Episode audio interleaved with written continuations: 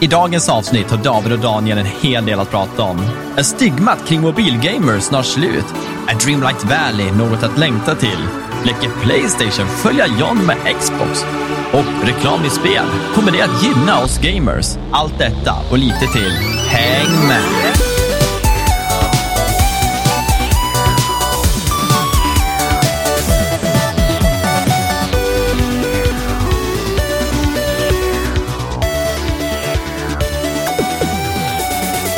Hur är läget allihopa? Välkommen till ännu ett avsnitt av Allt under kontroll.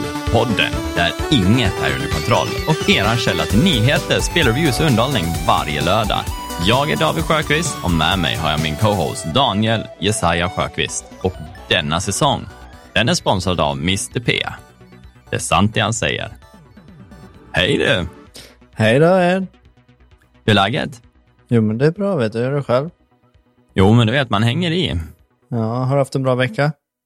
Ja, ja men det har jag haft faktiskt. Det har varit, eh, det har varit lugnt ändå. Det har inte känts som att det har varit så mycket säga, obligations, att jag har behövt göra saker, utan jag har kunnat fått vara hemma och liksom landat. Vi pratade lite förra veckan om alla födelsedagar som som var och så har det varit påsk och liksom, att man har varit på saker.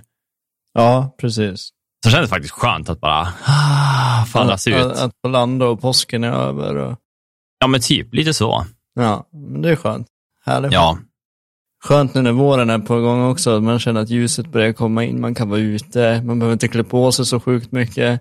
Utan Nej. bara gå ut, och, gå ut och njuta av vädret som det är. Ja, verkligen. Alltså, det har varit top notch att få bara gå ut och så har man känt solen på skinnet, huden. Ja. Jag bara, åh, ja, det är en skön känsla. Faktiskt. för, förlösande Ja. känsla. Ja. Eh, nej, men eh, nice. Eh, Jag hade någonting jag tänkte ta upp. Fan var det? Jag vet inte. Inte jag heller. Nej, men då skiter väl i det då. ja, okej. har du vet, du, spelat någonting eller? Eh, ja, lite grann faktiskt. Jag har, uh, sen vi spelade in sist så har jag varit lite, lite seg och trött och sådär, så det har inte blivit så mycket. Men jag testade Life Strange True Colors har kommit på Game Pass. Eh, det pratade vi om sist. Ja, precis. Och jag testade lite på det och jag måste säga att det är ett uh, sjukt magiskt spel i atmosfären.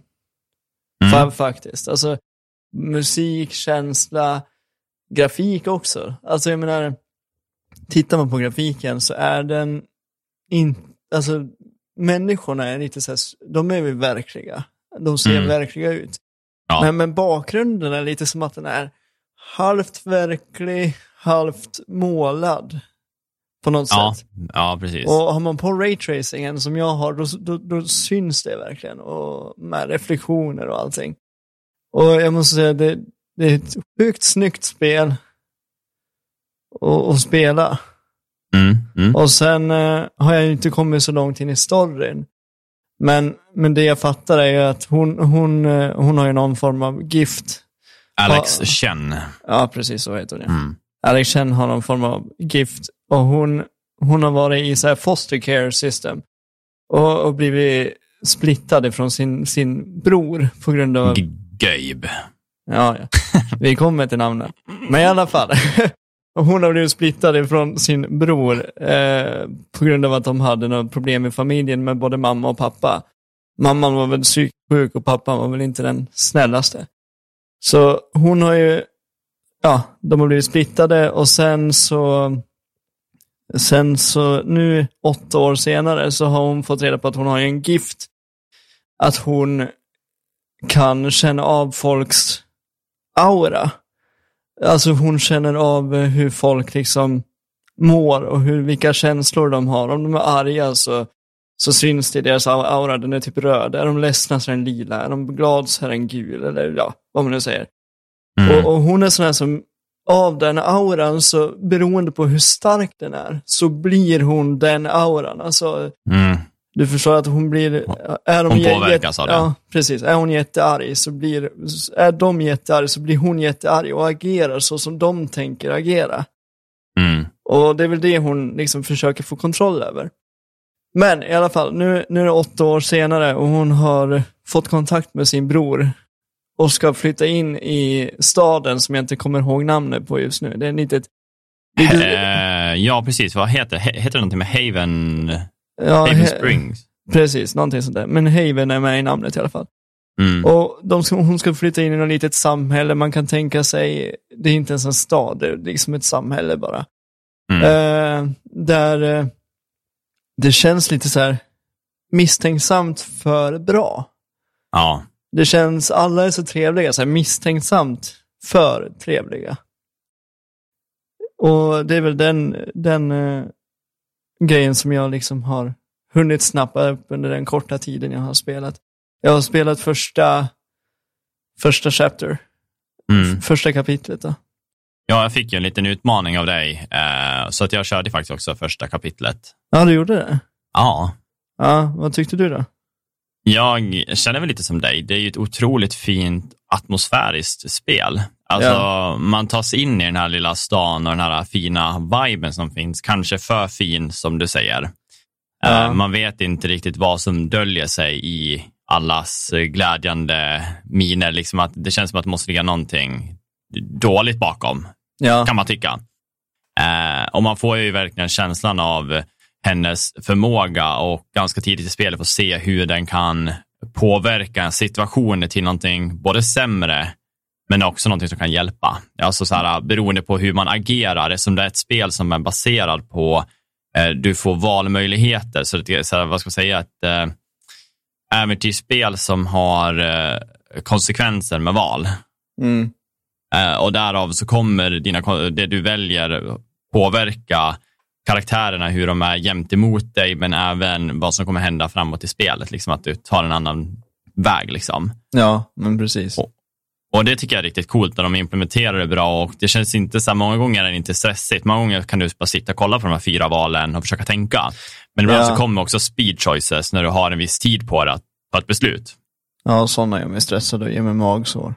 Ja, men man vet att fan, jag kan inte, här kan jag inte tänka helt klart, utan här kanske jag ta, ska jag ta det som man kanske inte vill ta för att det kanske lämpar sig bättre. Mm.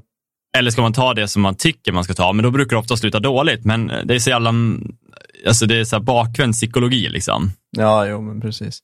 Men det är lite verklighetstänk också, att du, vissa gånger så har du bara några sekunder på dig att ta ett val och så är det det valet du får stå för sen. Ja, så är det ju. Eh, Men eh, tänkte bara gå in på karaktärerna.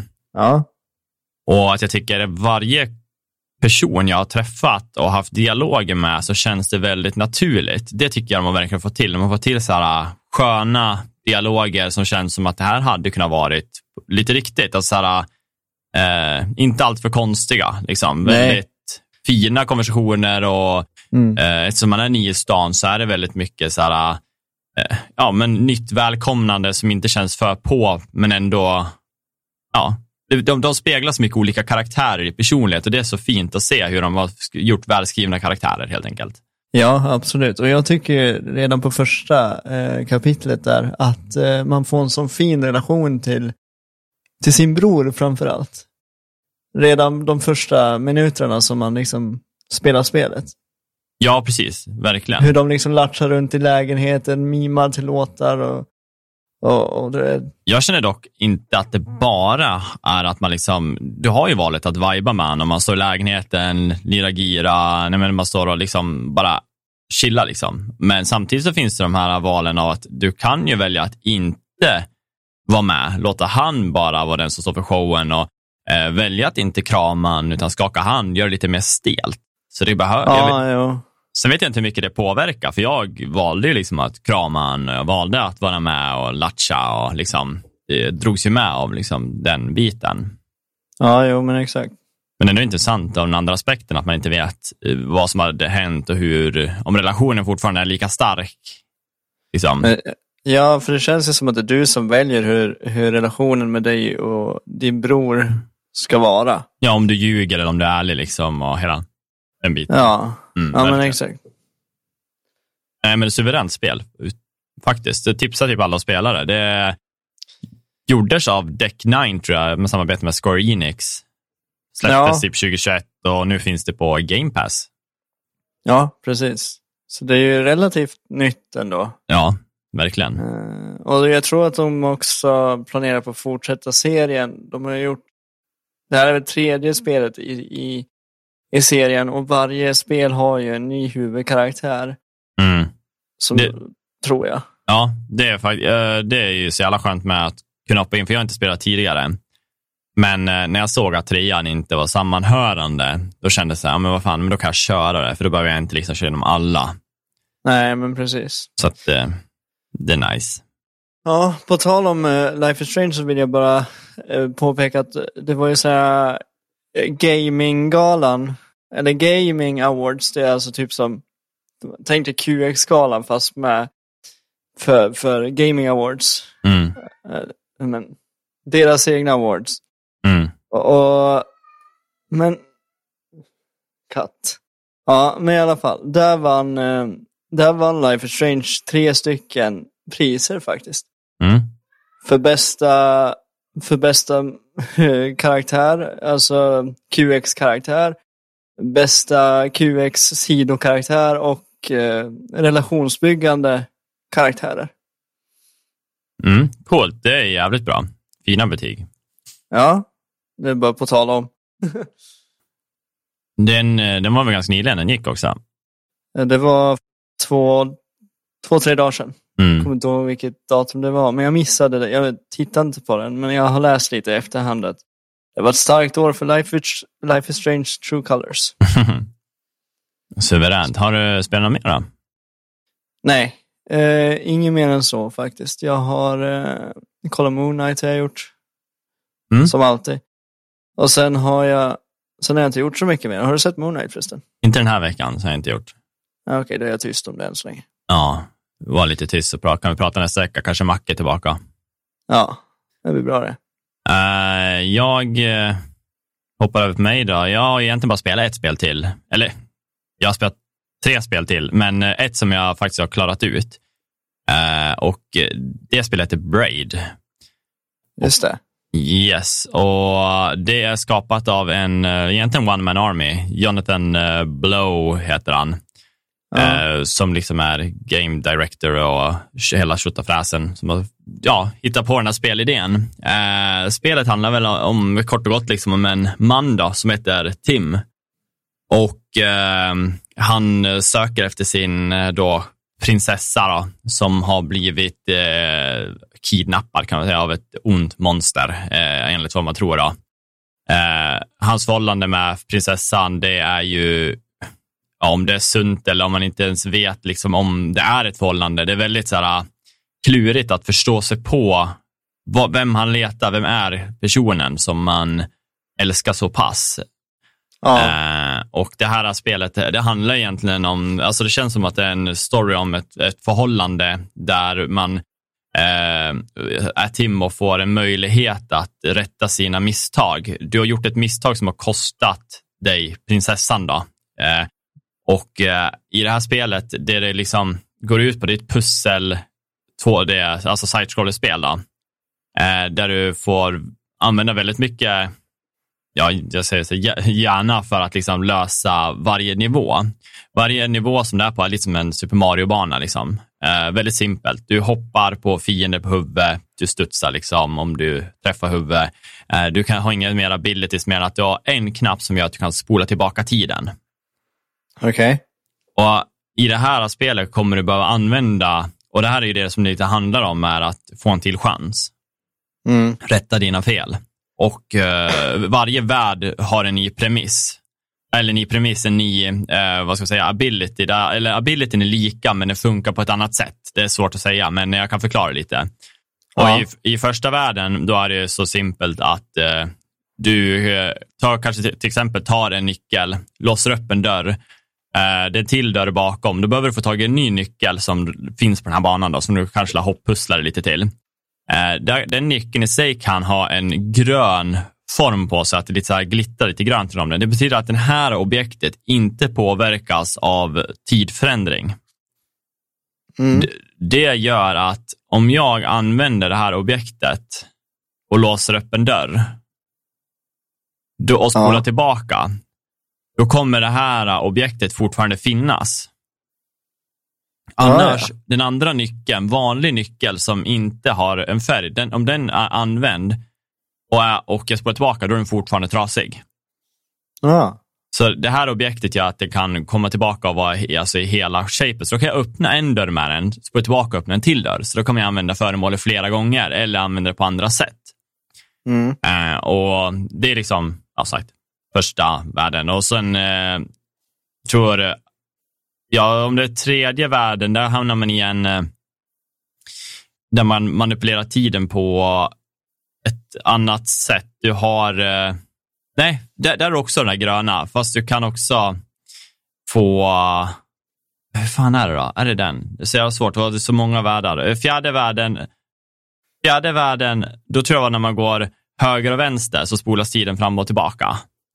Okej. Ja, så går jag till höger, då kommer tiden liksom gå som vanligt. Men går jag till vänster, då går alla gubbar och fiender, alltså allting som händer spolas tillbaka till där det var innan.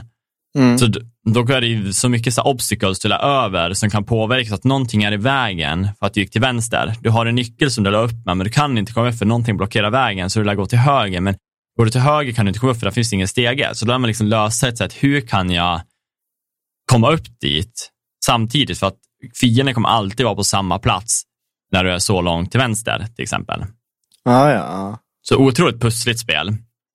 Eh, varje, innan man kommer in i världen så får man liksom lite text om vad, eh, ja, om karaktären och hur han känner och etc. Som liksom bygger upp en jättefin, eh, men en lite sorglig story liksom för han. ja. Men pusslen som sagt blir svårare och svårare. Du kan hitta pusselbitar i varje liten värld. var- Varje värld har små världar i sig. Så det är så här, eh, värld ett har typ sex minivärldar. Okej, ja. Och där hittar man pusselbitar och en av de här världarna eh, kommer man bygga ihop det här pusslet med alla bitar för att kunna låsa upp så att man kommer vidare i, och öppna sista, vad som heter, sista nivån. Behöver man ha gjort alla pussel, alla bitar. Ja. Så att eh, när man har byggt ihop det här, då kommer man till sista fasen då, och den är väldigt intressant. Här ber jag er att hoppa över om ni är sugen på att spela ett sånt, sånt här pussligt spel. Eh, otroligt fint att nämna. Det är eh, en av de finare artsy-spelen jag sett i 2D-plattformar. Alltså, äh, vad charmigt, men musiken är top notch också. Det är så, här, så mysigt att bara spela. Jag tror det kostar typ 30 spänn på Steam fortfarande. Så om jag vill spela så ska jag hoppa över här nu? Är du sugen på att spela det här? Då kan jag göra det en annan gång. Nej, jag ska, jag ska, jag kör. Nej, men det som är så coolt med det här, och nu som sagt, hoppa över en liten bit här. Vi sätter timestamps ner och ser när jag slutar prata om spelet, för nu blir det spoilers. Eh, och det är att man tror sig jaga en prinsessa. Man Ja. tror sig ha en ånger. Man tror sig att det är ett monster som har tagit prinsessan och nu, är- ja, ditt mål är typ att rädda den då, eller hitta den. Ja. Eh, men i sista stagen som man kommer till så kommer det upp en liten, eh, vad ska man säga, en, eh, heter epilog, tror jag det är. Och där börjar man få lite historia om, och de be- betecknar ett, en grej som heter Manhattan Project. ja. Och jag kommer ihåg när man pratade om det i skolan och det var ju faktiskt där första atombomben skapades. Just det. Och vad jag förstår det som och vad jag tror är att hela det här, om man tolkar det på ett annat sätt, är att det inte handlar om att jaga prinsessan. Prinsessan är att du, jakten på att skapa atombomben. Jakten på att vara först. Eh, och eh, det här med att du ångrar dig är ju att ingen i efterhand när man såg vad Mm. den här första atombomberna, de släpptes ju senare och bombade ju eh, vet du, Nag- Nagakiba, Nagasaki och Hiroshima. Mm. Ja, de bombades ju med de där bomberna som de då skapat. Och jag tror att det här handlar om att eh, ången över att the bad guy, eller att man vart the bad guy då. Eh, för sista eh, banan man kör, där får man liksom springa i en sekvens där prinsessan hjälper dig. Man är, man ser att det är Manhattan typ i bakgrunden, alltså att det är en stad. Att det symboliserar. Jag, jag kan inte säga att man ser att det är Manhattan, men det är en stad. Och du springer ja, där. Ja. Och det är första gången man får se den här prinsessan man pratar om. Och medan du springer så håller hon på hjälper dig att ta dig fram hela vägen till som att man ska mötas och allting ska bli bra. Ja. Men när du kommer till slutet av den här banan, då typ ställer du på en grej och då kommer du behöva spola tillbaka tiden. Så allt du gjorde nyss blir reversed. Så det Jaha. som händer är att den här prinsessan, hon hjälper inte dig. Hon försöker stjälpa, hjälpa dig. Så allting Sjukt. är att personen typ försöker, eller den försöker stoppa dig från att det här typ ska då ske. Och i Ja. början av banan får man se en ond knight som eh, är ute efter att jaga henne och det är därför man springer ifrån och man tror att den här knighten kommer ifrån. Men eh, när man kommer till slutet, då handlar det aldrig om att den här knighten som hade hon, om vi säger som Super Mario, eller Bowser och Peach då, att problemet var aldrig att det var inte den som var monstret, det är jag som är monstret. Knighten räddade hon, för att när det var tillbakaspolat då åkte jag han upp och räddade hon från elden. Så att alltså, det var så, här, så mindfucked, Ja. men coolt. Jättecoolt koncept. ja, men sjukt ändå. Alltså, lite så här plot twist. eh, Ja, verkligen. Alltså, när jag kom till slut, jag var helt bara, what the fuck? Ja.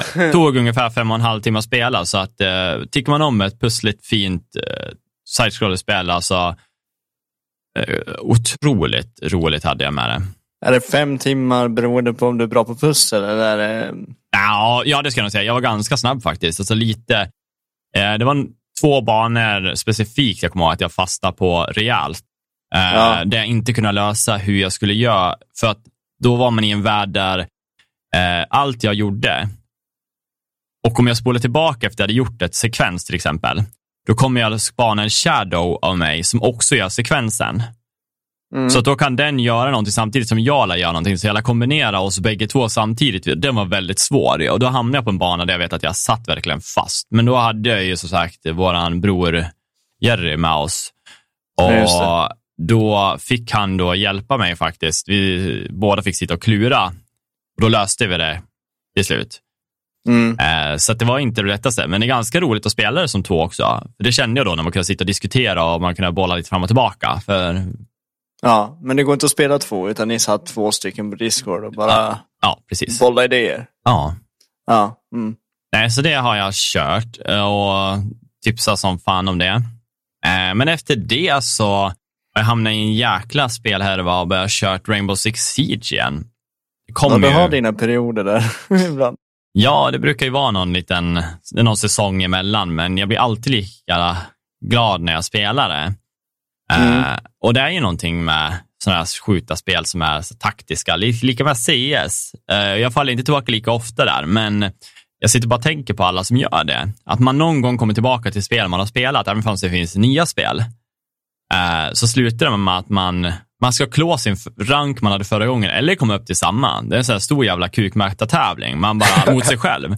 Man ska kolla ifall, ja men vad fan är det 30 fortfarande? Nej men typ. Eh, och så kommer man upp liksom i Diamond då, eller den högsta ligan, eller om du blir Global i CS.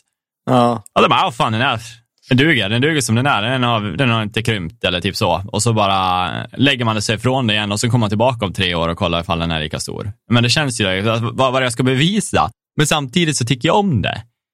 ja, jo, men det är ju så. Men det är ju ett koncept som de har räknat ut, förmodligen psykologiskt också. Ja, man vill bara bevisa sig själv. Även fast jag blir äldre eller vad fan är, så kan jag fortfarande slåss mot andra.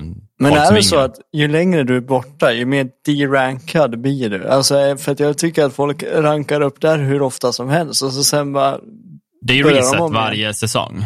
jaha, det är så det är. Ja, och Ja. eh, du får ju, vad jag förstår det, så får du lite mer points om du har varit en högre rank, men kommer in på en lägre rank än vad det är, så kommer du snabbare kunna progressa dig upp.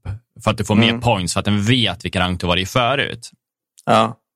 Men ja, så, som sagt, suveränt roligt att spela med brorsan min och så är det ju eh, brorsbarn som bor vid dig. Mm. Då. ja, precis. Så att, eh, det kommer vi fortsätta göra och jag börjar bli lite, väldigt engagerad. Ja, vi ska vara tydliga med att säga att det inte är mitt barn. Nej, ja, precis. Eh, nej, men annars har jag inte kört så mycket mer. Nej, nej Har- du ser. Och du hade inte sett på Moon Knight, så det blir ju, där håller vi tyst än så länge. Ja, Men nästa vecka är det faktiskt säsongsavslutning. ja kul. Då blir det nog ett cliffhanger.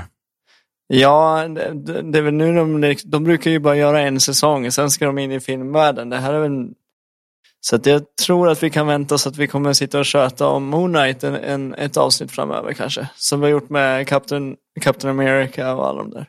Fan vad roligt. Ja, det ska bli kul. Ja, ska vi gå över på nyheter? Ja, men det kan vi väl göra.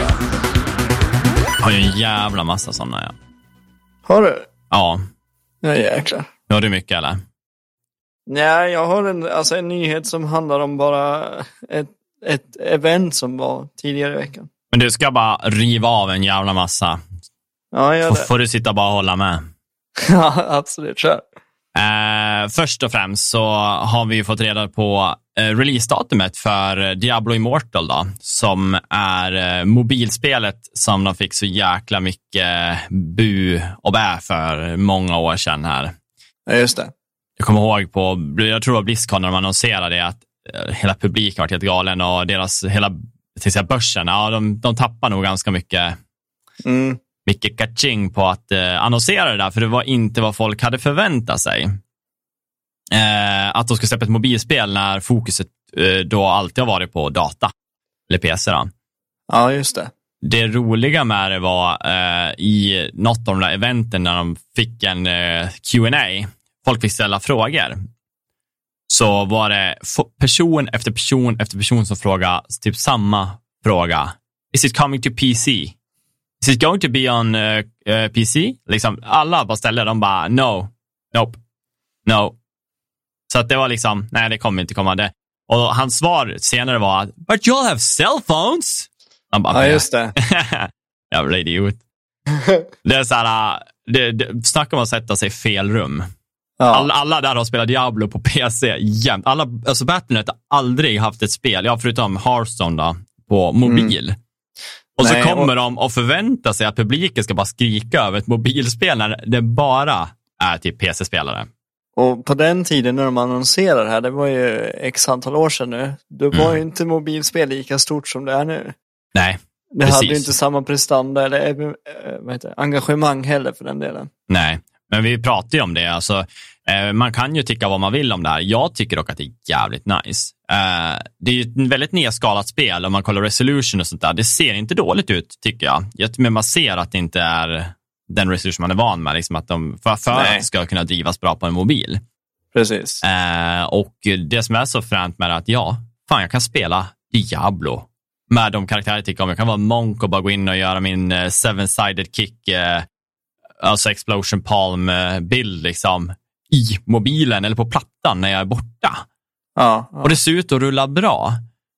Det är bara så fantastiskt. Och som du säger, de har kommit så långt i spelvärlden. För tar man till exempel eh, Black Desert Online, fungerar på mobil, Mm. stort MMORPG som glider på jäkligt bra. ja. Och sen har man ju också Genshin Impact som är ofantligt jäkla stort och mobilspel. Så jag har liksom, jag har verkligen tagit bort det här stigmat med att man inte tycker om eh, mobilspel. För mig har det börjat bli så här, ja, det finns en värld där jag faktiskt kan tänka mig, inte gå över, men att börja spela mobilspel. Ja, nej men och sen så, många mobilspel flyger ju bara förbi, men alltså nu för tiden så har mobilskärmar också 120 Hz, Ja, vilket gör spelupplevelsen så sjukt mycket bättre. verkligen. Alltså, jag kan nästan tro att min eh, 11 Pro iPhone är starkare än mitt Switch. Ja, nästan så. Det är så här, eh, enormt jäkla tryck i telefonen nu. Ja, nej men jag, jag skulle inte kunna spela mobilspel på en touchscreen och liksom kunna, jag skulle inte känna att jag kan njuta av det, Nej. tror jag. Men däremot om jag köper en kontroll och så ett sånt där ställ som man sätter mobilen på Mm. och, och så har man en kontroll, då skulle jag nog, inte, då skulle jag nog kunna spela utan problem. Ja, och det sa de ju också att eh, när de pre- presenterade det här att det, vi har implementerat kontroll, eh, vet du, scheme då, så att du kan köra med controllers. Mm. Eh, och det har fått, eh, jag tror de implementerade senaste till patchen på någon beta-version då. Eh, och eh, det fick jättebra betyg. Alltså de har otroligt mycket folk varit nöjda över det och sen att det varit implementerat bra.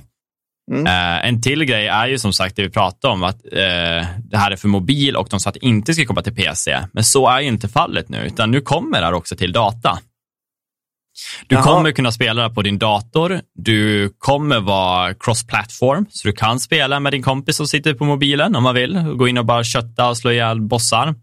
Mm. Eh, men du kan också ta upp din progression. Alltså, om jag sitter och spelar på datorn och så kommer någon bara, men fan, ska vi dra till stranden, säger vi.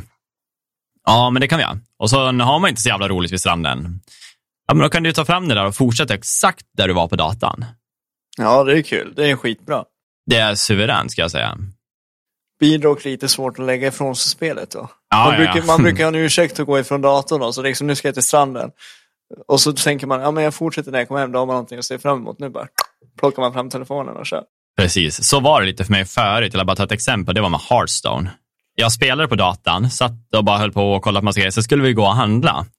Då vet du, disconnectade jag och så tog jag upp det på mobilen och reconnectade och så bara fortsatte jag spela eh, mitt game. Men det var under samma veva som du hade din Sony-platta. Och jag kommer ihåg, anledningen till att du slängde din, mobil, äh, din platta i backen, kommer du ihåg det? Det var att du spelade Hearthstone, du såg inte bilen så du flungade in den i backen. Ja, just det. Vi åkte inlines och så kommer en bil. Jag vet inte om du sa bil. Jo, jag sa bil. Ja, du, åkte sa bil. Och jag gjorde en sidoslide. Det var nog en av de sexigaste sidoslidesen. Glömmer bort att jag höll i plattan och skickade ner den i asfalten. Och vi Ja. tittade på varandra och sa, den där är trasig. Ja. Ja. Ja, det var så roligt. Den är trasig va? Så jag, och du bara bägge nickar mot varandra. Ja, den där är trasig. Eh, otroligt nog så fungerade touchen, även fast det var cracks. Alltså, allting var typ trasigt, men den funkade ett tag till. Ja. Ja. Eh, ja, roligt, roligt. Nej, men eh, det var om det. Sen har jag en liten grej här att eh, spelet jag pratade om förut då hyllade så otroligt Sifu. Just det. Eh, ja, beat em up-spelet då. Som är väldigt svårt. det kommer få en update nu och eh, där de kommer då sätta in svårighetsgrader faktiskt. Så nu kommer Jaha. du kunna välja, istället för att det är bara rent av svårt, så kommer du kunna välja student, kan man vara disciple eller master. Eh, och frågan är då om master är svårare än vad det är nu, eller om det är det det är nu. För folk tycker att det är jäkligt svårt. Det är väldigt många som inte ens har klarat spelet. Nej, de tycker att det är irriterande svårt. Precis. Men har det inte funnits ett easy mode och ett eh, Nej, ja, nor- normalt mode? nej. Nej, jag har för mig. Nej, man bara spannas in i världen. Och Ja, eh, det kommer också lite mer outfits, ett nytt träningssystem som man kan gå in och träna sina kombos. Eh, eh, ja, lite modifiers till, till spelet, någon replay editor kommer lite senare i, till hösten. Jag kanske ska se tillbaka på hela som någon jävla recording då. Se sina fights. Så det är jävligt snyggt alltså när man får till en bra clean fight. Lite som det jag Ja. la upp på våran eh, Facebook. Det tycker jag är snyggt när jag har klätt om min gubbe till Batman och bara gå in och brawla ner dem i klubben. Ja, men det är så accurate också hur han slåss i den nya filmen Ja. också. Ja, Så det passar perfekt. Nej, det var galet. Nej, och det var den. Och som Ja. sagt, jag har ju så många nyheter, så jag fortsätter tåga, tåga, tåga. Tåga på. Eh, ja, och här har vi ju då en liten sämre nyhet. Mhm. Eh, eller tråkig i alla fall. Och det är att Mr Miyamoto, har gått ut och eh, efter att ha ko- konsulterat med Chris San, eh, som jobbar på Illumination då, på Super Mario Bros-filmen, så har de ju nu sagt att de kommer förflytta den från en 2022-release, eh, för det var ju tänkt att den skulle släppas till vintern någonstans där då. Eh, och nu kommer de skicka ut den eh, 2023 på våren någon gång. Ja. Eh, förmodligenvis eh, runt april, men eh, det får vi ju se då. Han Mm. ursäktar för det här då, och eh, han säger också att det kommer vara värt väntan. Och Nintendo brukar inte släppa någonting förrän det är klart. Det är sällan jag upplever något skit med Nintendo-spel.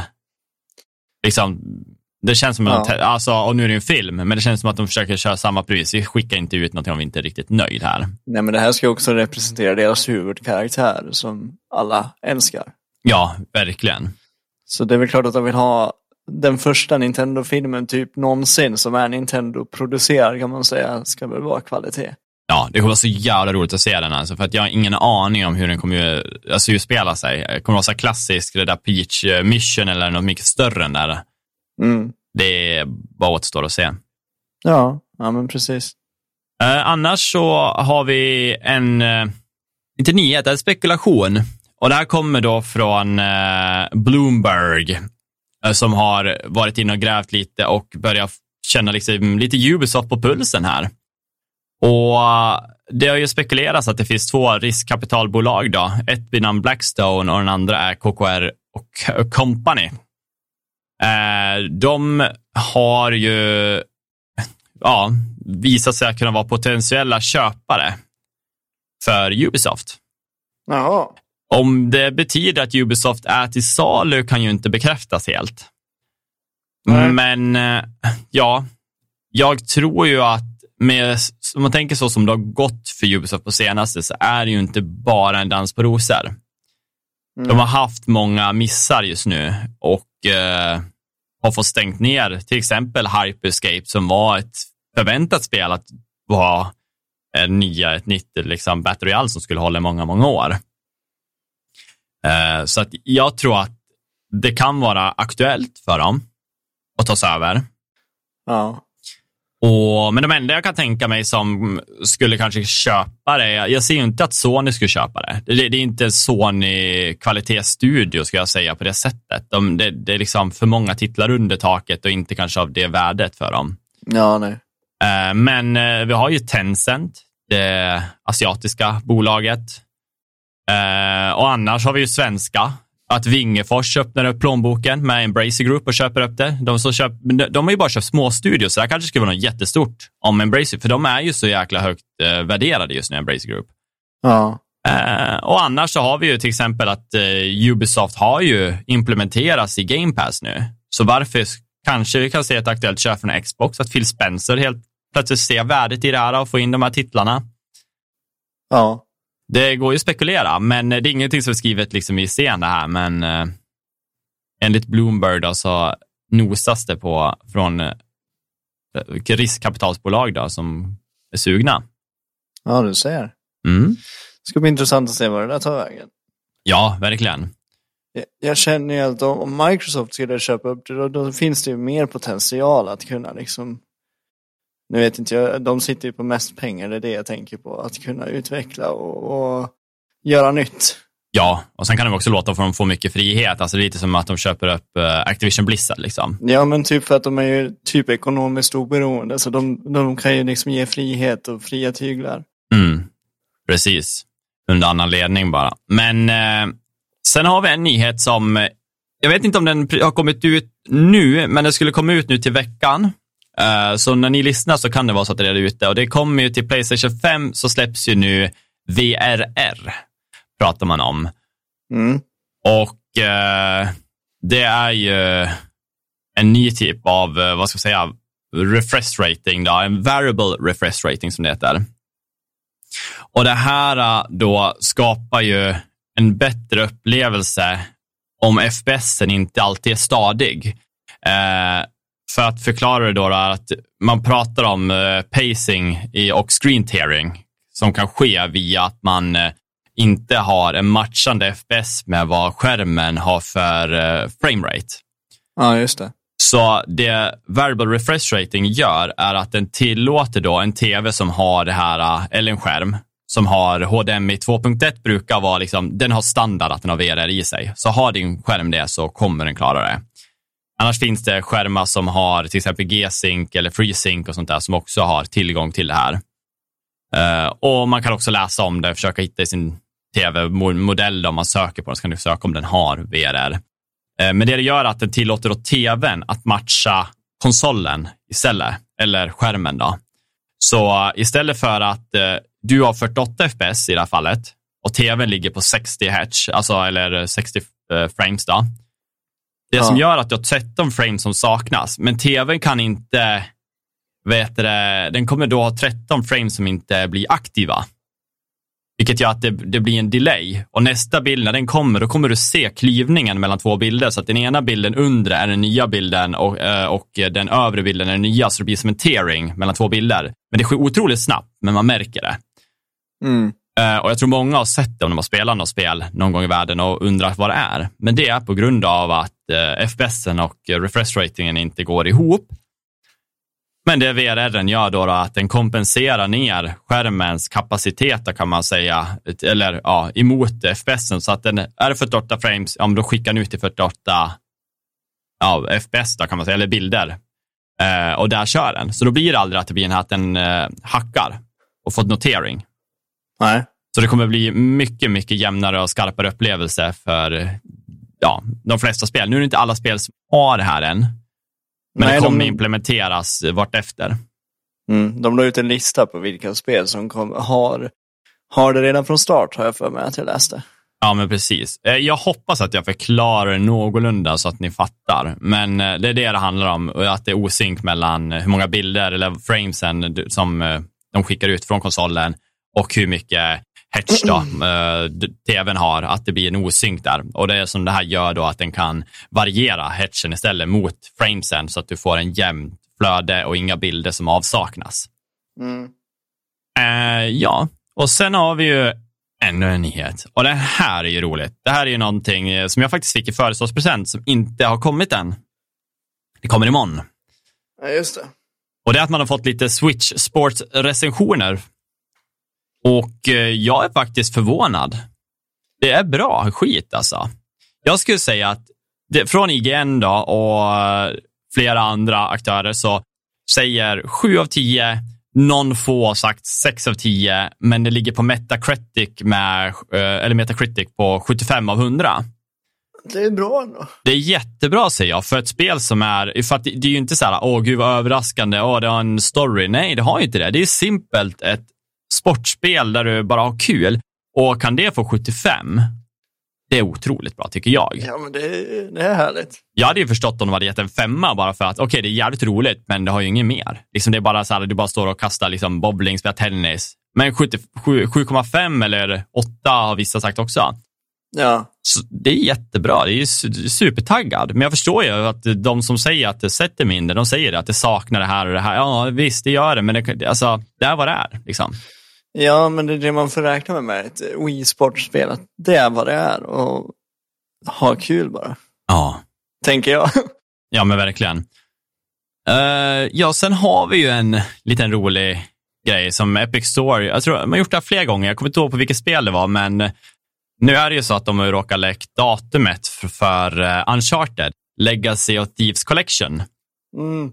De, uh, de har ju sagt liksom att det kommer senare, enligt om man kollar på liksom listor och sånt där. Det finns inget datum. Nej. Men de har ju råkat satt ut nu då att eh, den 22 juni skulle det komma ut på Epic Games. Mm. Men de tog bort det direkt och satte upp coming soon. Men det är ju som vi vet att internet glömmer aldrig. Nej. Har någon sett det så är det uppe på alla sidor. Så ja. att, eh, man kan nog förvänta sig att det är datumet i alla fall vi kan få spela Uncharted på PC och det är jag taggad över faktiskt. Är det någonting du kommer göra nu då? Nej, du vet att jag har ju spelat igenom serien sedan den kom 2009. Jag spelade ju första spelet då. Så kommer du spela något av det? Ja, alltså jag kommer nog köra hela, alltså av collectionen, det är väl, eller tre spel i den. Det är ju Uncharted 4 och Uncharted Lost Legacy va? Ja. Ja, de två kommer jag ju testa för att jag har alltid velat spela dem. Men jag har ju inte ägt en konsol så att jag har känt att jag har behövt eller orkat kört det på PS4 när jag har haft en bra dator. liksom. Nej. Nej. Så att, eh, nej men det blir skitkul. Uh, och sen har vi en nyhet som är så pass färsk idag då, på torsdag. Så kom den här ut och det är ju att Disney släpper ju ett spel Disney? Mm. Jaha. Som heter Dreamlight Valley. Och jag skulle ju kunna säga att det här ser ut som Disney Goes uh, Animal Crossing. Du har ah, alla Disney-karaktärer finns. Du kommer liksom vara i det här Disney-universumet. Det är typ som att, uh, det är Disney-slottet och så, men du kommer liksom vara där och bygga upp den här världen, bygga upp ditt hus och uh, vara ute och fiska med långben. Du kommer sköta din trädgård med Wally. Du kommer, uh, you name it. Eh, du står och lagar mat med, vad heter den, råttan i Ratatouille. Ja. Uh, du kommer kunna göra allt det där liksom. Och det Nej. ser ut som liksom lite Sims slash, uh, ja. Gud, gud vad mysigt. Ja, men det tror jag kan vara någonting. De har inte satt något datum på det här. Men det verkar komma till alla eh, konsoler. Det kommer vara Mm. free to play som jag förstår det. Det är ju en eh, som sagt livssimulator och jag tror också enligt vad jag har läst så kommer den till Game Pass. Men det känns ju som att om det är free to play så måste det också vara någonting med att du måste betala någonting för att kunna göra någonting. Det känns så, ja. Just som man sagt, man får se hur de löser det. Det kan vara värt det. Verkligen. Men eh, jag är taggad. Ja, vad kul. Sen har vi ju att vi har ju ett satt datum nu på Playstation Ja. Plus. Just det. Vi har fått sitt eh, Europadatum då när eh, deras eh, motståndare då, till eh, Game Passet kommer. Och eh, det ser ut som att den 22 juni kommer vara datumet de sätter. Ja. Eh, folk kommer få över sin prenumeration. Om man både har Playstation Plus och Playstation Now så kommer de ge dig den som du har längst prenumeration på. Så låt säga att du har köpt ett år på Plus nyligen. Men du har fem månader kvar om Now. Då kommer du få den som du har ett år på. Alltså så långt kommer du få av den nya Plus. Ja. Så att Utan för- att behöva betala. Ja, alltså de för över dig. Inte till Jaha, den högsta ja. upgraden, utan du kommer väl förmodligen på den lägsta. kommer, ja, mm. du kommer Eh. få för den summan som du Ja, men typ. betalade för innan. Och, Du får också en, de som subscribar har nu fått ut ett mail, om jag har förstått det rätt. Jag antar att Europa också har fått det. Där man kan gå in och eh, välja om man vill uppgradera för en mellansumma som inte blir lika dyrt som att behöva köpa. eh, Så att eh, känner man att nej, men jag vill ha mellanvarianten, men nu ger de mig bara den första liksom, som inte ger mig titlarna. Då Ja. kan du gå in och kasta den här extra 200 eller 300 kronor för att få tillgång till det. Då. ja, Så det är nice. Så att vi, är, vi är på gång. Alltså Playstation ser ut att vilja gå mot Xbox väg och det är inte det enda stället de tar efter. nej. Det har nyligen varit mycket spekulationer, eller spekulationer är det inte heller, utan det är, det är ett faktum. Och det är att Xbox har ju börjat äh, tänkt då att köra ads i spel. Man har reklam i spel. Och det kommer då finnas i free to play-spel. Ja, Och det här brandingen från ads ska vara seamless, kallar man det. Att eh, brandingen ska inte vara så att de bara, bara kastar upp skyltar för att det ska vara en skylt, utan det ska också tillhöra så att det ser rätt ut. Så men till exempel så behöver man nu inte då, har du fått ett kontrakt med Coca-Cola, då kan du ju ha Coca-Cola-burkar som visas istället för att du har någon fake brand. Och så Mm. får de pengar via marketing. Det är smart. Ja, det är inte så att det kommer komma upp en eh, ruta, du kollar på det här i 15 sekunder och klicka. Nej, Nej. det är inte. Det stör Det var- inte det var- spelet. Det var det jag varit orolig för. Men om de gör som att man typ skulle gå på Times Square, det vet man en gubbe eller någonting, och så ser du bara massa reklam på Times Square istället. Så bara, Ja. okej. Precis, och det kan ju vara liksom, går du in i en restaurang till exempel, ja, men istället för att göra någon random restaurang kan du faktiskt göra en efterliknande av McDonalds-kedja till exempel, eller you Ja. name it. Eh, så att folk kan göra så lite branding som händer och det kommer också passa väldigt bra i typ ja, Forza, när man kör bilspel och sånt där, att det riktiga Det blir, loggan. ju, det blir ju för sig mycket mer realistiskt också. Ja, det går ju mot realism då. Det, jag, jag har ingenting emot det. Jag tycker nästan det är konstigt att man inte har kört innan, om jag ska vara ärlig. Nej, men det är ju för att spelvärlden nu är ju någonting helt annat än vad det var då. Verkligen. Och det är Men- nu företag har liksom börjat inse vad, vad spel kan göra för dem också. De tjänar ju otroligt med pengar på att göra så här. Kommer de, alltså, de kommer få fina kontrakt. Mm. Det jag tycker är coolt med Xbox, det de har sagt, det är att de kommer inte ta no cuts av ad revenue. Nej. Utan ad revenuen ska ge tillgång till folk att skapa free to play-spel som de kan ha på Game Pass. Ja, ja, Så ja. att vi behöver inte betala för Vi kommer få fler spel som inte vi behöver betala för, men det finns subtil reklam i dem. ja. Det är ju en win-win och då får ju både eh, då, de får katten, de som skapat spelet, men också att eh, ja, om, det, om det är någon tredje part då, som också får någon katt. Men det är inte Xbox, utan de vill främja eh, tänkte säga, indie-utvecklarna eller de som ut- utvecklar de här free to play-spelen. Aha. Uh, PS, Playstation har inte läst hur de har tänkt, men de har också gått in på samma grej, så de kommer implementera. Går efter Xbox, uh, ja, lilla stig de har lagt upp här och tar också det beslutet att de ska köra ads i free to play-spel. Ja. Mm. Och Vi får väl se hur de väljer att göra. Jag har inte läst hur de tänker, men sån där free to play de säger så är det väl lite samma tanke, jag tänker mig. Ja. Men eh, jag tror att det är ett bra beslut. Verkligen. Det gynnar ju oss, så att jag har ingenting emot det. Och sköter de det snyggt så kommer det ju inte Nej, det gynnar, våra, det gynnar våra spelupplevelse och deras ekonomi, så det blir ju bra. Ja, verkligen. Men sen ska också eh, till, jag tänkte att man kan tillägga det här med Playstation Plus, att eh, nej, det här tjänsten som kommer, som utökas. Ja, till Playstation Plus. Plus. Mm. Ja, den kommer heta så. Det är att eh, har, har du en prenumeration så kommer du få testköra x antal timmar, två timmar på ett spel innan du kan köpa det. Om jag minns rätt. Ja, men det stämmer nog. Och det är ju så här, det är spel som kostar över 300 kronor, tror jag det var.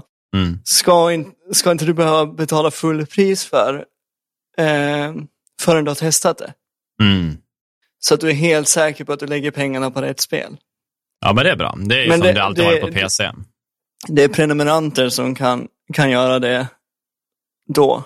Alltså mm. Playstation Plus-prenumeranter. Men jag tycker att det är jättebra, för det är många gånger man köper ett spel och så blir man missnöjd och så kan man inte dela, skicka tillbaka det.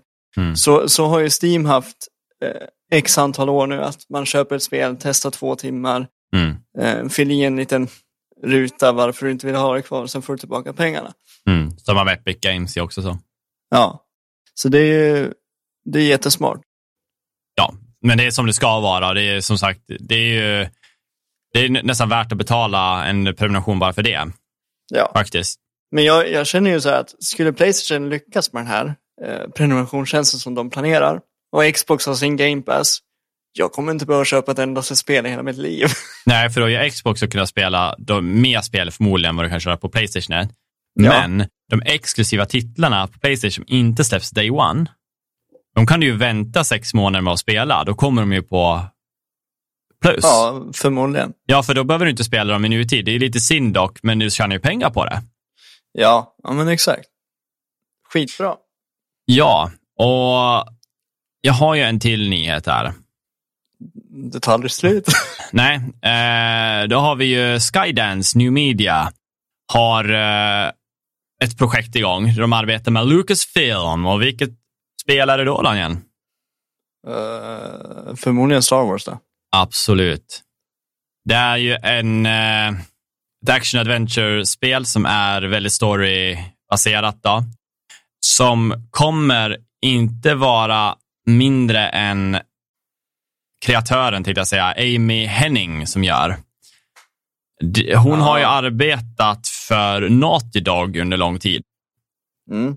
Uh, spelserie man kan känna igen som hon har varit med och tillverkat är ju en av mina favoriter. Det är Jack and Dexter var hon ju med på. Mm. Uh, hon har även gjort uh, en del av spelen i Uncharted. Och så finns det spel som heter Legacy of Kane som också varit delaktig i. Ja. Och sen många, många fler, men de är ju några av de större.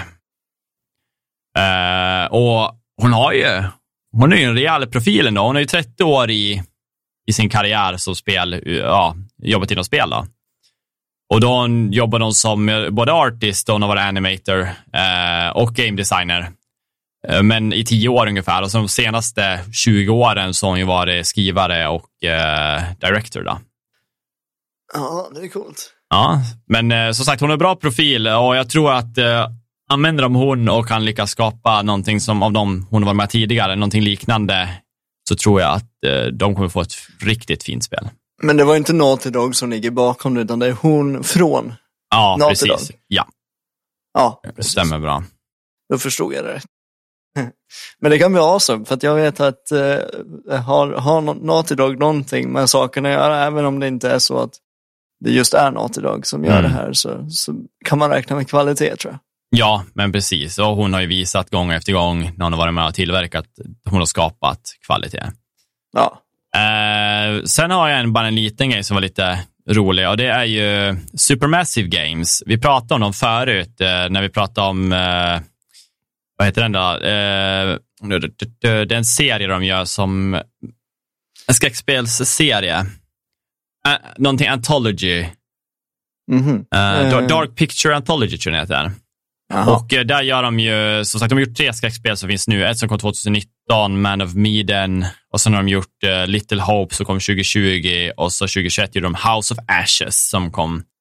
Eh, och så har de gjort det, det spel som jag tycker mest om och det är Until Dawn. Jag älskar det spelet. Det är otroligt bra spel. Ja, det är så fina skräckspel. Alltså det, är, så här- det är verkligen kvalitativt och väldigt mycket beslut. Lite som när man spelar Life is Strange. Alltså det är ju snabba beslut, stora konsekvenser. Mm. Eh, då har de lagt ut nu på en eh, liten notis där att eh, The Quarry som det heter, nya spelet som kommer, som kommer ta efter Until Dawn-serien kan man väl säga på något sätt, eh, inom parentes. Eh, den går inte i den här uh, Anthology-serien. Nej. de, de har sett att Anthology-serien de har tänkt på, den går inte så bra som de var tänkt. De hade mer success med Until Dawn och nu har de gjort The Quarry. Och här visar det sig att eh, The Quarry har 186 olika slut just nu. 186. Ja, och sen kan man ju fråga sig hur stor skillnad det är per sig, men 186 olika slut är det just nu. Men kan det inte vara så här att det, det är 186 konsekvenser? Men jag menar så här, det är fyra olika, kanske fyra, fem olika slut. Mm. Och så är det typ 108 stycken konsekvenser som kan äga rum i slutet, men som egentligen inte påverkar slutet. Nej, precis. Så kan det vara. Det är jättesvårt att säga. Jag antar att väldigt många är ganska snarlika, mer Ja. baserat på vilken karaktär man får, men 186 låter väldigt mycket. Ja, det lät väldigt mycket. Eh, så att eh, vanligtvis så brukar de vo- voice actorsarna som är med ha ungefär en 100 sidor, att, eh, alltså ett manus på 100 sidor att läsa, Mm. alltså att ja, köra igenom. Eh, det här spelet då fick de 1000 sidor. Wow. Så att de har lite mer olika händelseförlopp då, kan man väl säga. Ja, jo, de måste ha olika repliker för varje, för Ja. varje val man gör i stort sett. Precis. Ja, Ja. det där var ju slutet på min jävla news spree motherfuckers. Davids nyhetssvep. Vad behöver du mig för? Vi är redan uppe i typ en timme. Ja, verkligen. Ja, nej, men du hade en liten... Ja, en liten ja. Jag, hade, jag har suttit och kollat på, eller kollat på, jag missade Cinemacon. Som egentligen inte är så stort i Sverige, men det är ganska stort utomlands. Och det är ju Sony och Warner Brothers, så här, vad säger man, event där de visar upp sina kommande filmer och sina planer och så vidare. Mm. Eh, och där fick vi se lite, lite filmer som jag tyckte verkade intressant, så jag skrev ner några av dem. Och eh, då började vi med Warner Brothers som hade började starkt med att visa upp sin nya film Elvis. Som ska då vara Elvis biografi kan man väl säga. Hur Mm. han, hur han liksom, ja men tänk Bohemian Rhapsody fast med, med Elvis liksom, Elvis historia. Ja. Tom Hanks spelar huvudrollen tillsammans med, nu kommer jag inte ihåg vem det är som spelar Elvis, men Tom Hanks spelar huvudrollen tillsammans med han som spelar Elvis. Då. Mm. Och Tom Hanks är väl den här managern, den här giriga managern som säger att han kan tjäna pengar på Elvis. Mm. Och som i sig, som jag tolkar trailern, egentligen driver Elvis till det som var, blev El- Elvis öde när han var 42 år. Då. Mm. Eh, ja, ungefär så. Och man får liksom följa Elvis historia, hur, han, hur de tycker att han är eh, typ djävulens son, bara för att man kan inte sjunga så bra och så vidare. Mm. Eh, ja, så då där börjar de. Sen fortsatte de med en film som verkade ganska intressant som heter Don't Worry Darling. Mm. Det finns en kort liten teaser. Säger inte så mycket, men det är en psykologisk thriller med Harry Styles, bland annat. Mm. Som kommer från eh, One Direction då. Alla vet vem Harry Styles är. Och eh, Florence eh, Pugh, om man, säger, om man uttalar det rätt. Mm. Det är en psykologisk thriller, som sagt, på 50-talet. Eh, utspelar sig på 50-talet. Harry Styles fru, som i vanliga fall är en vanlig hemmafru, hon, hon tappar det liksom. Hon blir, an, hon blir galen och spårar ur. Och det är väl typ det vi får reda på i trailern då. Och i trailern så finns det en, en röst som säger det sista som sägs i trailern. Hon säger vart är min man? Och rösten säger han är borta. Hon svarar vart då? Det behöver inte du bry dig om. Men du kommer bli ensam ett tag. Och sen så slutar trailern. Sjukt. Så, så det, det känns väldigt intressant. Jag tycker, alltså nu kanske inte jag var så bra på att förklara trailern, men den verkade bra. Mm. Eh, regisserad av Olivia Wilde. Jag vet inte vad hon har gjort för, mer för filmer, men hon ska tydligen vara bra. Sen kom en film som i en, en, en film ur en serie som jag tycker har tappat det lite grann och det är The Nun 2 blev annonserad. Och personligen så tycker väl jag att hela den där The Conjuring, The Nun, Annabelle har liksom tappat det lite grann. Mm. Uh, det känns lite som att bara ut efter att mjölka pengar. Just nu. Men den fick vi se i slutet av panelen, bara när de visade upp massa posters för vad som skulle släppas. Så vi fick inte se någon trailer, men vi fick se att Nun kommer tillbaka. Mm. Sen fick vi också se, eh, strax före det, fick vi se The Batman, att The Batman 2 kommer. Eh, och det är ju med Matt Reeves som regissör, precis som den här. Nice. Och, och Robert Pattinson kommer tillbaka i Batman-dräkten. Ja, det är så jävla bra. Och, och de sa egentligen inte så mycket. De visade, vi, han kom bara ut på scen och sa att det här är vad vi vill göra, det här är vad som kommer komma. Och det kommer komma, kommer komma snarare än ni tror. Eh, så att det kanske, kanske bara tar en två år så har vi en till Batman-film. Mm. Undrar spekulationer om det är eh, Jokern och Enigma. Eller Ja. om de går spåret mot Bane. Hade varit läckert. Ja, de har i alla fall eh, spekulationer om att, jag vet inte var de här spekulationerna kommer ifrån, men det finns spekulationer om att Mr. Freeze ska komma in i alla fall och vara med på ett hörn. För att det finns tydligen saker i ettan som, som pekar på att det skulle kunna vara så. Jag reflekterade, reflekterade inte över det. Men det kan ju lika gärna vara någonting åt det hållet.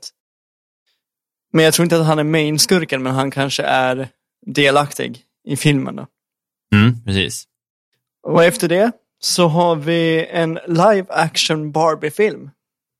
Ja. Och säga vad man vill av den, det kände jag så här, vad, vad, vad kan det vara för någonting? Så här lite, ja, av alla grejer du kan göra film av, så varför gör du film av Barbie liksom? Sjukt. Men eh, rolllistan såg ju, såg ju väldigt bra ut. Vi har eh, Mar vad heter hon? Margot Robbie, som bland annat spelar Harley Quinn i Suicide Squad, är med på The Wolf of Wall Street Mm. och alla de där filmerna. Sen har Ryan Gosling, som spelar Ken. Och så har du Will Ferrell. Det är en, Mm. ganska- en ganska stark rollista då. Ja, det är roligt. Eh, man fick inte se någon eh, trailer.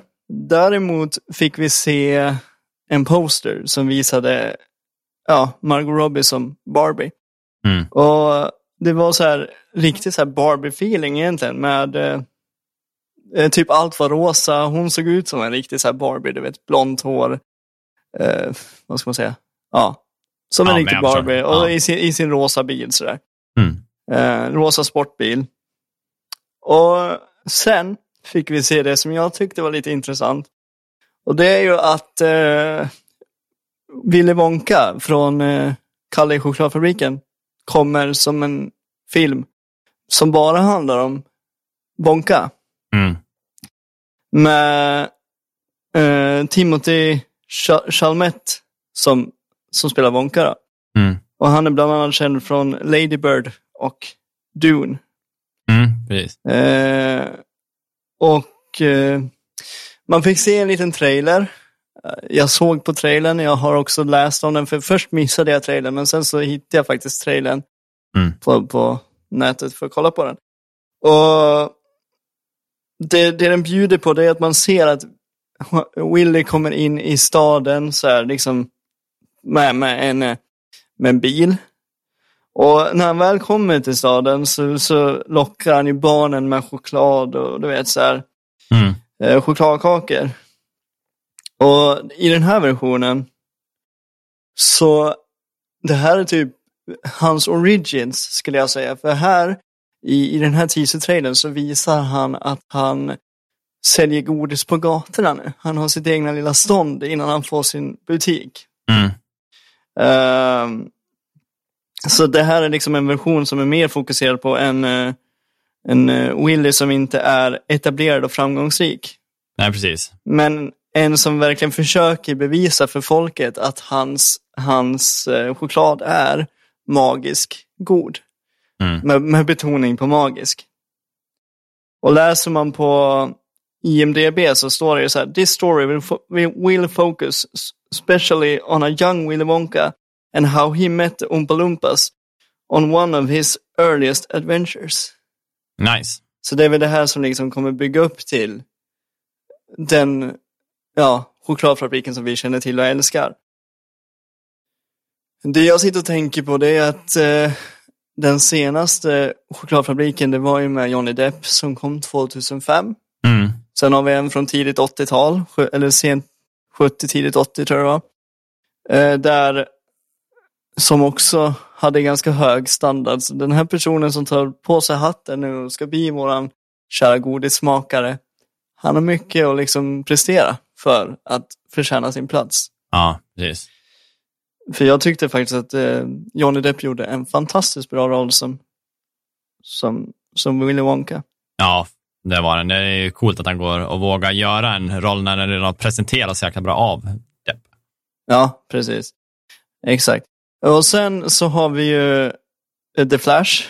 Han visar dem. Warner Brothers visade upp The Flash. De visade också upp en del andra DC-filmer, men The Flash var deras main fokus.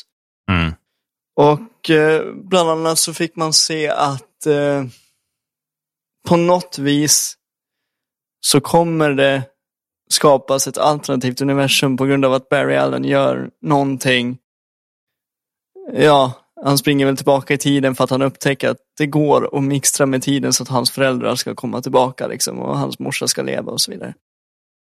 Eh, och så sen eh, i trailern, de, i trailern, det är ju så här teaser-trailer så de säger ju inte så mycket, men man fick se en, en Batman.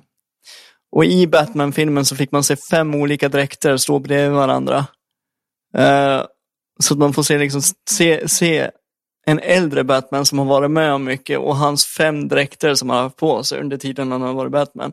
Så frågan är om de tar dräkter från olika epoker som vi har sett Batman på film.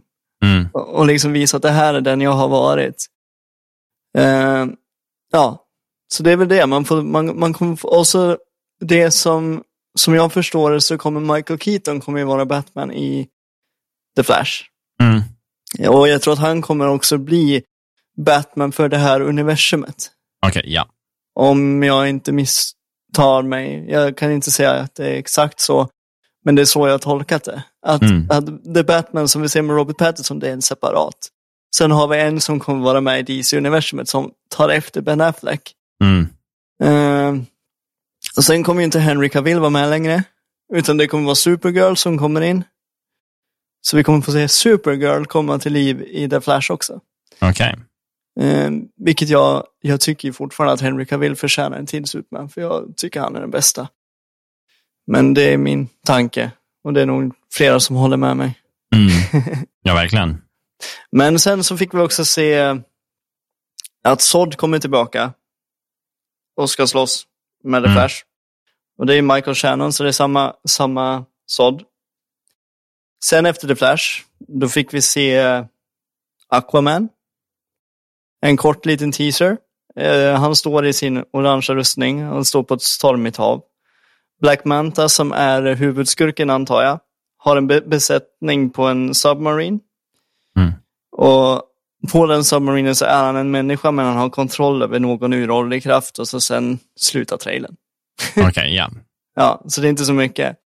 Det var vad eh, Warner Brothers i stort sett visade upp. Mm. Lite Kul. så Det som är intressant. snabbt recap. Mm. Sen har vi Sony visade också upp. Men de visade typ upp tre filmer som de var väldigt intresserade av. Och det första var ju att de visade upp Spider-Man Across the Spider-Verse. Mm. Och det är ju den tecknade animerade filmen med eh, uppföljaren till Miles Morales historia som kom 2000, när kom den? 2018? Ja. Ja. Eh, och den, den ska vara en fortsättning. Eh, och det som är intressant med den här filmen, de visade egentligen inte så mycket. Jo, de visade en 15 minuters förtitt på filmen. Problemet är bara att jag missade den. Mhm. Och eftersom de inte har gjort trailer, Cinemacon är ju till för att det ska vara en privat föreställning, en livestream. Så att trailersna som visades där, de kommer inte bli public på ett tag. Så Okej. vi, missar man någonting så missar man någonting. Mm. Så det var synd att jag missade de där 15 minuterna. Men det som är intressant är att det är över tusen personer som jobbar samtidigt på den här filmen. Åh, jäklar, kul. Vilket är rekord för att jobba på en animerad film. Ja, det var en av de bättre jag sett faktiskt. Jag kommer ihåg när jag såg den där. Det var revolutionary. Jag älskar artstylen. Ja, och nu är det, nu är det så här att det är roligt att du nämner Artside för att det, som sagt, det är tusen personer som jobbar samtidigt på den här filmen.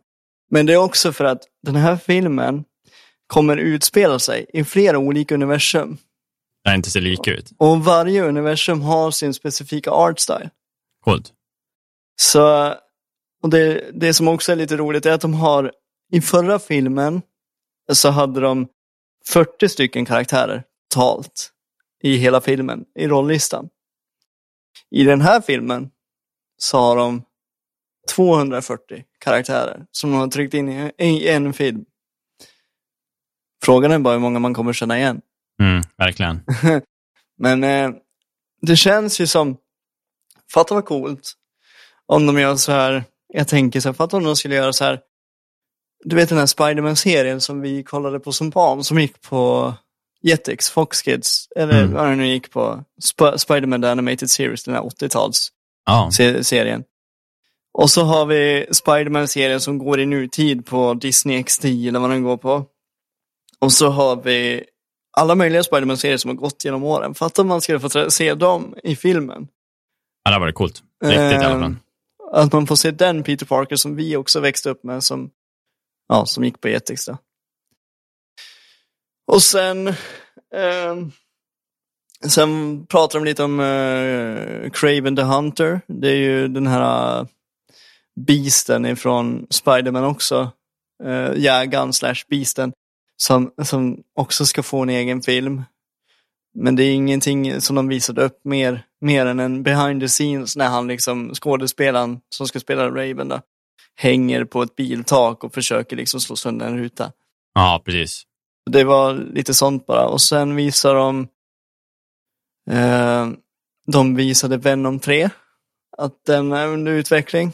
Eh, ingen trailer, ingenting, men de sa att den är under utveckling och det kommer komma en trea. Mm. Så då kan man ju spekulera om det kommer ha någonting med Spiderman att göra.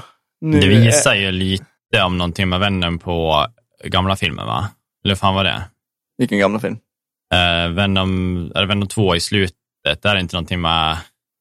Nej, för fan, jag kommer ihåg att man såg den där lilla blubben, Venom-blubben, typ Ja, men sig. det, det är ju Spiderman, det är ju nya Spiderman-filmen. Ja, just det. Det var det det var, ja. De, I slutet av Venom vs vs Mm. så uh, åker Venom till uh, Spidermans universum. Mm. Och sen i slutet på Spiderman No Way Home så åker han ju tillbaka. Mm. Men då blir ju en liten svart blubb kvar Mm. i det här är Spidermans universum. Så jag tror inte att den här Venom 3-filmen kommer ha någonting med våran Spiderman att göra. Nej, nej, man får helt Möj, möj, möjligtvis att de tar in Andrew Garfield eller, eller ja, vad som kanske finns Mm. möjlighet för det. Det Men varit eh, vi får se. Mm. Ja, det var, det var i stort sett det, det jag hade. Ja, det var ändå en del. ja, jag tänkte bara att det var bra att ta upp lite så här filmnyheter ibland. Ja, men Och- där får ni Daniels eh, filmslide, kallar vi den. Ja, jag såg också att eh, The Batman har ju slagit rekord på hur mycket en film har dragit in på en månad. Jag tror den hade dragit in 275 miljoner Nice. på, på en månad. Och det, är- det är skitbra. Faktiskt. Ja, nej men eh, det låter bra. Det förtjänar de med all, all rätt. Det var en av de bästa. Mm, verkligen. Eh, nej, men det var väl det. Jag satt och kollade lite på trailers och filmer och, och, Gettare. Och göttade mig. Ja, det är bra jag har Så- dig som kan informera. Det är du som informerar, jag bara sitter här och fyller i. Nej, men det var väl trevligt och då har ni fått lite av allt möjligt idag. Så får vi tacka för oss. ja, det Så- får vi göra. hörs vi nästa vecka. Och ni vet, vi finns på Patreon om ni känner att ni vill sända en liten slant. Och har man inte det så har ni lite tid över så gå in och så kan ni bara rate oss på den plattform ni lyssnar. Gärna femstjärnigt, det tycker vi om. Ja, det Och så eh, hörs vi nästa vecka allihop. Ja, ni Ha får det ha det så bäst. jättebra. Hej då! Hej då!